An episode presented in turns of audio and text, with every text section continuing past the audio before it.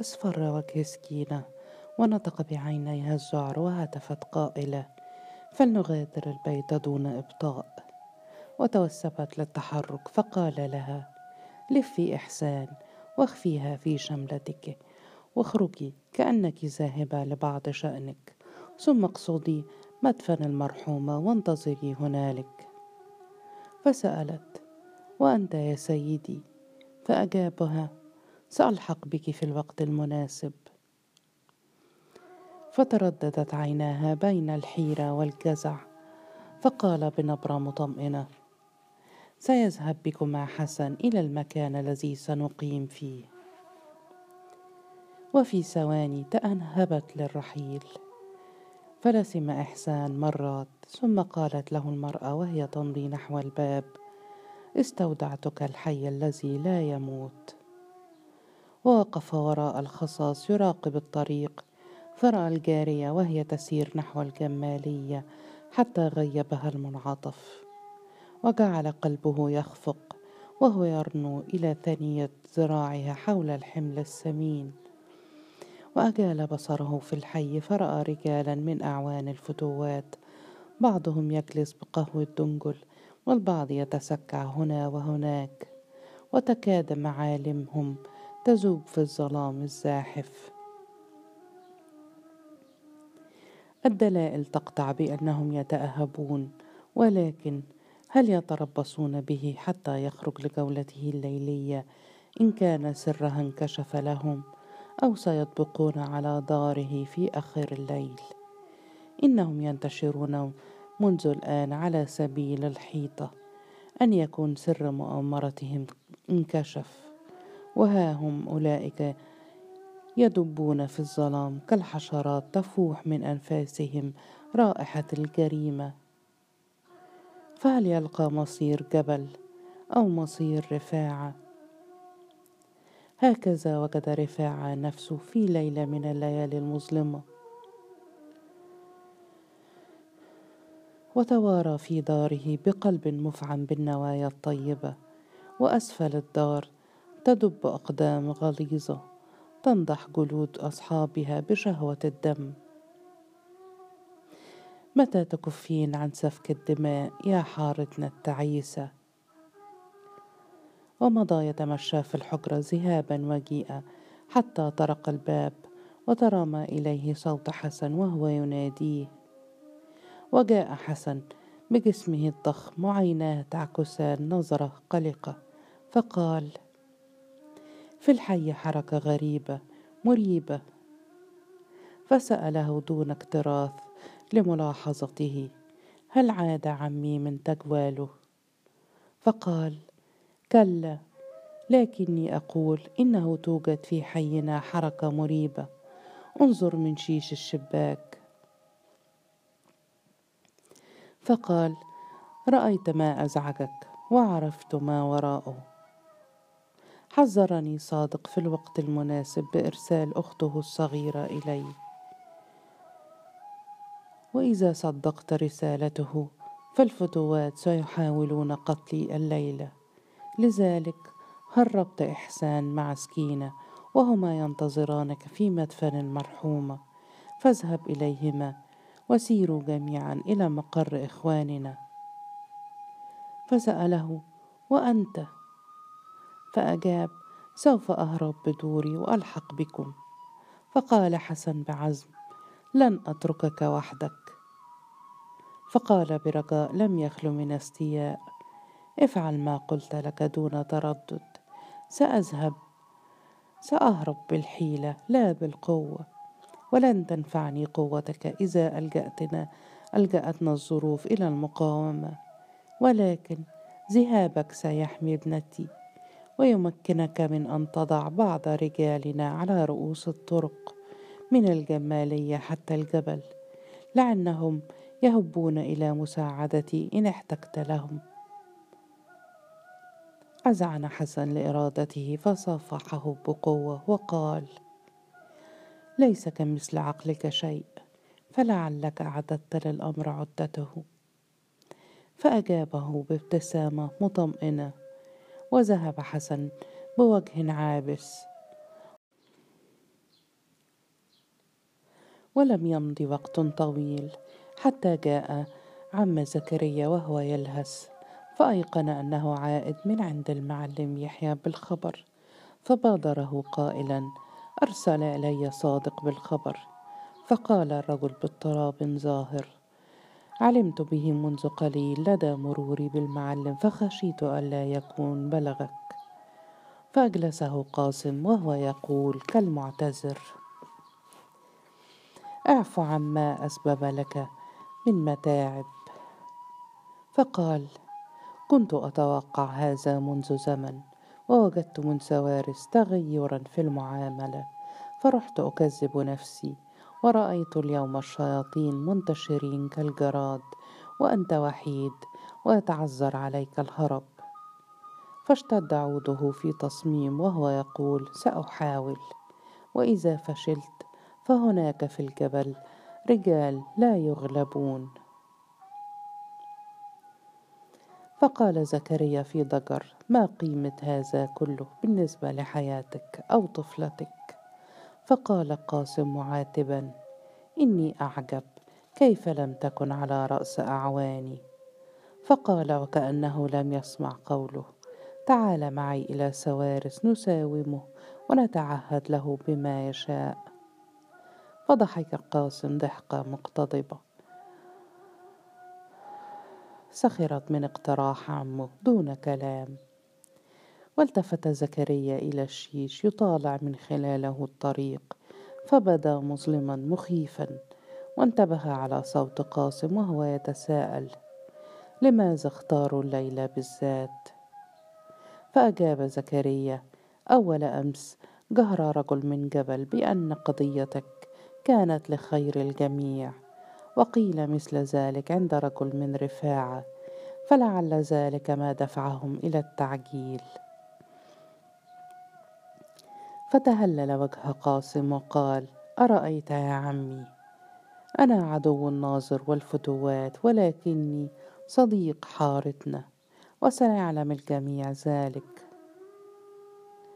فقال زكريا فكر الآن فيما ينتظرك. فقال قاسم باهتمام إليك خطتي سأهرب عبر الأسطح حتى بيتك تاركا مصباحي مضاء للتضليل.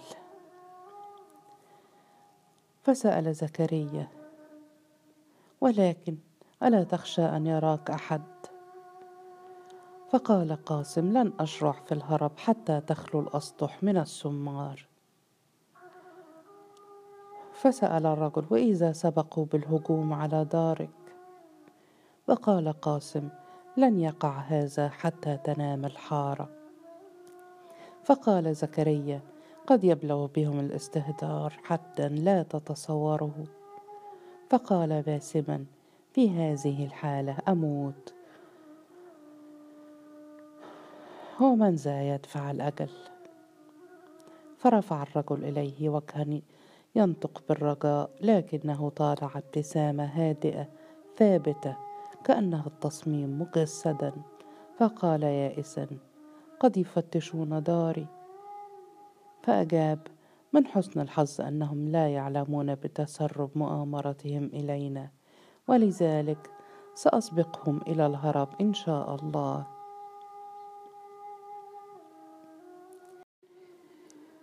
وتبادلا نظرة طويلة أفصح من الدمع ثم تعانقا ولما وجد نفسه وحيدا تغلب على تأثره. واقترب من النافذة يراقب الطريق. بدا الحي في حياته المألوفة فالصغار يلعبون حول مصابيح العربات والقهوة تعج بالسمار والأسطح تضج بأحاديث النساء وسعال المدخنين يتخلله الفحش والسباب. ونواح الرباب يرتفع وهذا سوارس رابط عند عتبة القهوة ورسل الموت تحتل الأركان. يا سلالة الخيانة ويا لصوص البشر منذ أطلق إدريس ضحكته الباردة وأنتم تتوارثون الجريمة وتغرقون الحارة في بحر من الظلمات. ألم يأن للطير الحبيس أن ينطلق؟ ومدى الوقت؟ ثقيلا ولكنه حمل ليل السمار إلى غايته. صمتت الأسطح وخلى الطريق من العربات والصغار وأقفرت المقاهي وعلت إلى حين أصوات الأشباح العائدة. ورجع من الجمالية السكارى وهم يهلوسون. حتى الغرز أطفأت المجامر ولم يبق في الظلام إلا ندام الموت. وقال لنفسه حان وقت العمل.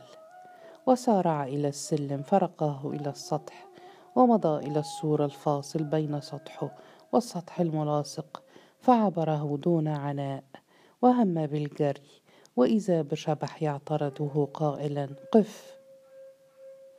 فأدرك أن الأسطح محتلة بالقتلة وأن حصار حصاره أحكم.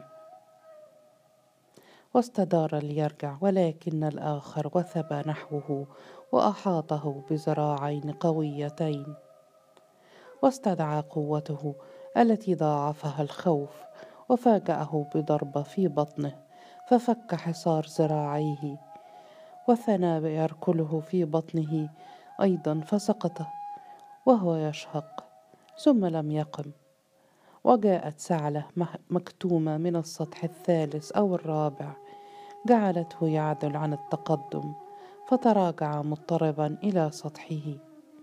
وقف عند السلم يتصنت فسمع وقع أقدام صاعدة. وتكتل الصاعدون أمام باب شقته وخبطوا الباب خبطة شديدة فانفتح وهو يكاد يقتلع. ثم تدافعوا إلى الداخل. وهبط مسرعا دون أن يضيع ثانية واحدة. حتى انتهى إلى الحوش وسارع إلى الباب. ولمح خارج الدار شبحا يتحرك فانقض عليه قابضا على عنقه ثم نطحه برأسه وطعن بطنه بركبته ودفعه فاستلقى على ظهره دون حراك واندفع نحو الجمالية وضربات قلبه تتلاحق. الآن تبين لهم خلو الدار. ولعل بعضهم يصعد إلى السطح ليعثر على صاحبهم الملقى. ولعل الآخرين يهبطون في أعقابه. مر بربع, بربع عمه دون أن يتوقف ولما اقترب من نهاية الحارة أطلق ساقيه. وعند اتصال الحارة بالجمالية وثب شبح في طريقه وصاح بصوت كالرعد. لينبه الآخرين. قف يا ابن اللئيمة ورفع نبوته قبل أن يحيد قاسم عن طريقه ولكن شبحا آخر ظهر من زاوية المنعطف وضرب الشبح الأول بهراوته على رأسه فهوى صارخا. ثم قال لقاسم فلنجري بكل ما فينا من قوة. وانطلق قاسم وحسن يجريان في الظلام دون مبالاة بما قد يعترضهما من حجر أو نؤرة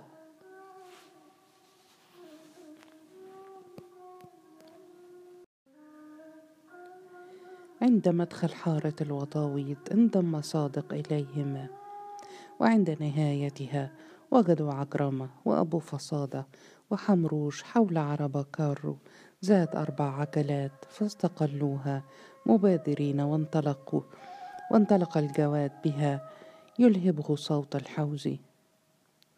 انطلقت العربة بسرعة على رغم الظلام محدثة في سكون الليل صوتا مزعجا كالفرقعة المتواصلة وهم يلتفتون إلى الوراء من خشية وتوجس. وقال صادق كلبا للطمأنينة سيجرون نحو باب النصر ظنا بأنك تلوذ بالخلاء حول المقابر. فقال قاسم بارتياب لكنهم يعلمون أنكم لا تقيمون عند المقابر. غير أن سرعة العربة بدت حاسمة وبفضلها غلب شعور بأنهم يبتعدون حقا عن الخطر. وعاد قاسم يقول في شيء من الارتياح أحسنتم التنظيم والتدبير وشكرا لك يا صادق فلولا تحذيرك لكنت الساعة في الهالكين.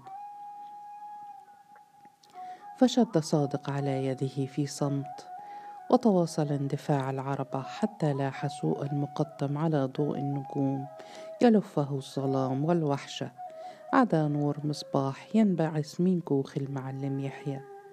وعن حذر أوقفوا العربة وسط الميدان ثم تركوها متجهين نحو الكوخ وما لبث أن جاءهم صوت المعلم متسائلا عن القادمين فأجابه قاسم فارتفع صوته مرة أخرى بالحمد وتعانق الرجلان عناقا حارا وقال له قاسم إني مدين لك بالحياة فقال العجوز ضاحكا إنه المصادفة وحدها لكنها وقعت لتنقذ رجلا هو أول من يستحق الحياة أسرعوا إلى الجبل فالجبل خير حصن لكم. وشد قاسم على يده ونظر على ضوء المصباح إلى وجهه في مودة وامتنان. فعاد العجوز يقول اليوم أنت كرفاعة أو كجبل وسوف أعود إلى حارتنا عندما يقيد لك النصر يقيد لك النصر. ابتعدوا عن الكوخ شرقا يوغلون في الخلاء نحو الجبل. وتقدمهم صادق إذ كان أخبرهم بالطريق. وكانت ثمة رقة تمازج بالظلام مبشرة بالفجر. والسماء تقطر ندى رطيبا وترامى من بعيد صياح الديكة كصرخة المخاض لمولد يوم جديد. وبلغوا السفح فساروا بحذائه نحو الجنوب حتى عثروا على الممر الضيق الذي يصعد إلى مقامهم الجديد فوق الجبل. وصعدوا وراء صادق في طابور فردا فردا لضيق الممشى. وقال صادق لقاسم أعددنا لك دارا وسط ديارنا وفيها الآن تنام إحسان. فقال عجرمة بيوتنا من الصفائح والخيش فقال حسن في مرح ليست أسوأ كثيرا من بيوتنا في الحارة. فقال قاسم حسبنا ألا نجد بيننا ناظر أو فتوة. وهبطت إليهم أصوات فقال صادق حارتنا الجديدة مستيقظة تنتظرك. ورفعوا الرؤوس فرأوا خيوط الضياء الأولى تطارد فلول الظلام وصاح صادق بأعلى صوته. هو فأطلت رؤوس رجال ونساء وتعالى الهتاف والزغاريد وانطلقت الحناجر تنشد يمحني ذيل العصفورة. فاستخف قاسم الإبتهاج وقال بإكبار ما أكثرهم؟ فقال صادق بفخار حارة جديدة فوق الجبل سكانها يتزايدون مع الأيام وقد انضم إلينا بإرشاد المعلم يحيى جميع المهاجرين من حارتنا. وقال حمروش لا يتعبنا إلا أننا نسعى إلى أرزاقنا في الأحياء البعيدة خشية أن يعثر علينا أحد من حارتنا. ولما صعد قاسم إلى السطح تلقاه الرجال بالعناق وصافحته النساء وارتفعت الأصوات بالتحيات والتهليل والتكبير. وكانت سكينة بين المستقبلين فأخبرته بأن إحسان نائمة في الكوخ الذي أعد لهم. وساروا جميعا نحو الحارة الجديدة التي أقيمت على هيئة مربع من الأكواخ فوق سطح الجبل وهم يهللون وينشدون. وقد ابتهج الأفق بالنور المتدفق كأنه بحيرة من الورد الأبيض. وهتف رجل أهلا بفتوتنا قاسم. فتغير وجه قاسم وصاح مغضبا ألا لعنة الله على الفدوات جميعا فلا سلام ولا أمان حيث يوجدون. وتطلعت إليه الوجوه الجديدة فقال سنرفع النبابيت كما رفعها جبل ولكن في سبيل الرحمة التي نادى بها رفاعة ثم نستغل الوقف لخير الجميع حتى نحقق حلم أدهم. هذه هي مهمتنا للفتوانة. ودفعه حسن برفق. نحو الكوخ الذي أعد له وهو يقول مخاطبا الجميع. مضى الليل دون أن يغمد له جفن فدعوه الآن ليأخذ بعضا من حقه من الراحة. استلقى قاسم على خيشة جنب ابنته وسرعان ما استغرق في النوم. واستيقظ فيما بين الظهيرة والعصر برأس مثقل وجسد متعب. وجاءته سكينة بإحسان فوضعها في حجره وراح يلسمها في حنان وقدمت له المرأة كوز من الماء وهي تقول هذا الماء يحمل إلينا من الحنفية العمومية كما كانت تحمله زوجة جبل. فابتسم الرجل وكان يحب كل ما يربطه بذكريات جبل أو رفاعة. وألقى نظرة على داره الجديدة فرأى جدرانها مغطاة بالخيش ولا شيء بعد ذلك.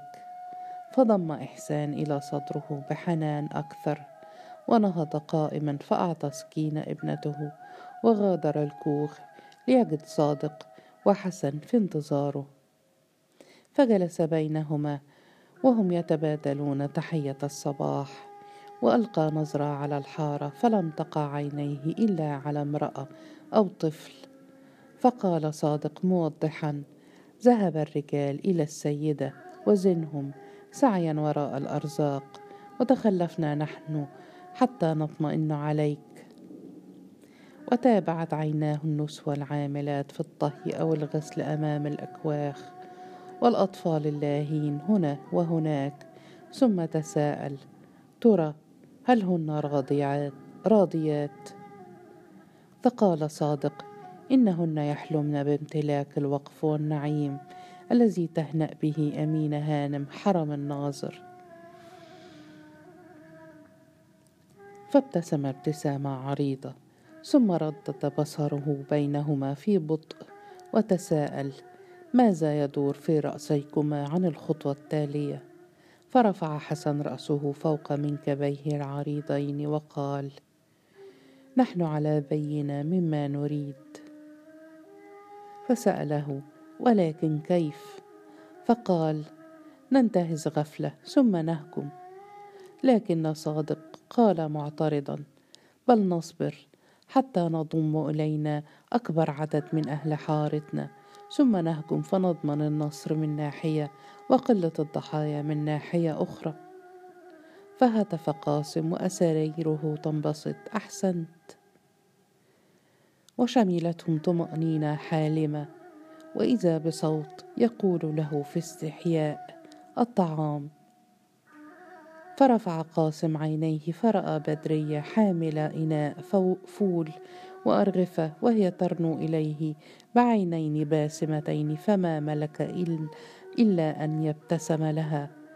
وقال أهلا برسول الحياة إلي فوضعت الإناء بين يديه وهي تقول أطال الله عمرك. وذهبت إلى كوخ صادق فيما يلي كوخه. وداخلت نفسه رقة ورضا فتناول طعامه بشهية. وفي أثناء ذلك قال لدي قدر من المال لا بأس به سينفعنا عند الحاجة.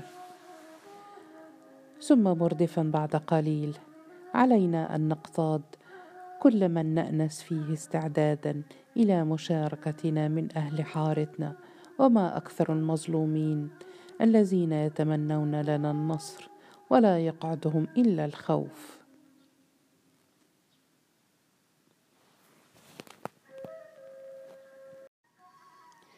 وما لبث أن ذهب الرجلان إلى حيث سبقهم الآخرون. فوجد نفسه وحده وقام فمضى يتجول في المكان كأنما يتفقده. مر بأطفال لاعبين فلم يلتفت إليه أحد منهم. أما النساء فكن يحيينه بالدعاء. واستوقفت نظره عجوز بالغة في الكبر. ذات رأس مكلل بالبياض الناصع وعينين تغشاهما سحابة الهرم. وزقن متقلقل كأنها تزدرد لحيها. فاقترب منها محييا. فردت التحية بالدعاء فسألها من أمي؟ فأجابت بصوت كخشخشة الأوراق الجافة. أم حمروش. فقال لها أهلا بأمنا جميعا. كيف هان عليك أن تهجري حارتنا؟ فقالت أطيب المكان ما يوجد فيه ابني ثم كالمستدركة والبعد عن الفتوات غنيمة. ثم تشجعت بابتسامته فقالت رأيت رفاعة وأنا شابة. فسألها باهتمام حقا فقالت نعم وحياتك كان لطيفا جميلا ولكنه لم يجر لي في خاطر أنه سيكون عنوان حي وحكاية من حكايات الرباب. فسألها باهتمام متزايد ألم تقصديه كالآخرين؟ فقالت كلا لم يكن يدري بنا في حينا أحد ولا كنا ندري بأنفسنا ولولاك ما جرى ذكر للجرابيع على لسان. وتفحصها بغرابة وتساءل ترى كيف يكون جدنا اليوم؟ لكنه ظل يبتسم لها برقة فدعت له طويلا حتى ذهب وواصل المشي حتى وقف عند رأس الممشى على حافة الجبل. ألقى نظرة على الخلاء أسفل ثم مد البصر نحو الأفق.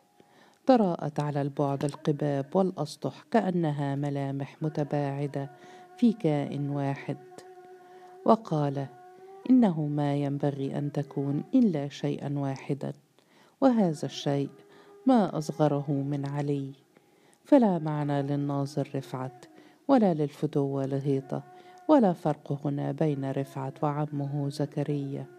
ومن العسير أن تهتدي من من موقفك إلى الحارة المثيرة للمتاعب. لولا بيت الواقف الذي يبدو أنه يميز من أي يميز من أي موقع. بيت جدنا بسوره العجيب وأشجاره العالية لكنه طعن في السن وخفت خشيته كهذه الشمس المائلة نحو الأفق. أين أنت؟ وكيف أنت؟ ولما تبدو وكأنك لم تعد أنت؟ المزيفون لوصيتك على بعد أذرع من منزلك. وهؤلاء النسوة والصغار المبعدون في الجبل أليسوا أقرب الناس إلى قلبك؟ ستعود إلى مكانتك عندما تنفذ شروط وقفك دون اغتيال ناظر أو اعتداء فتوة. كعودة الشمس غدا إلى كبد السماء. ولولاك ما كان لنا أب أو حارة أو وقف أو أمل.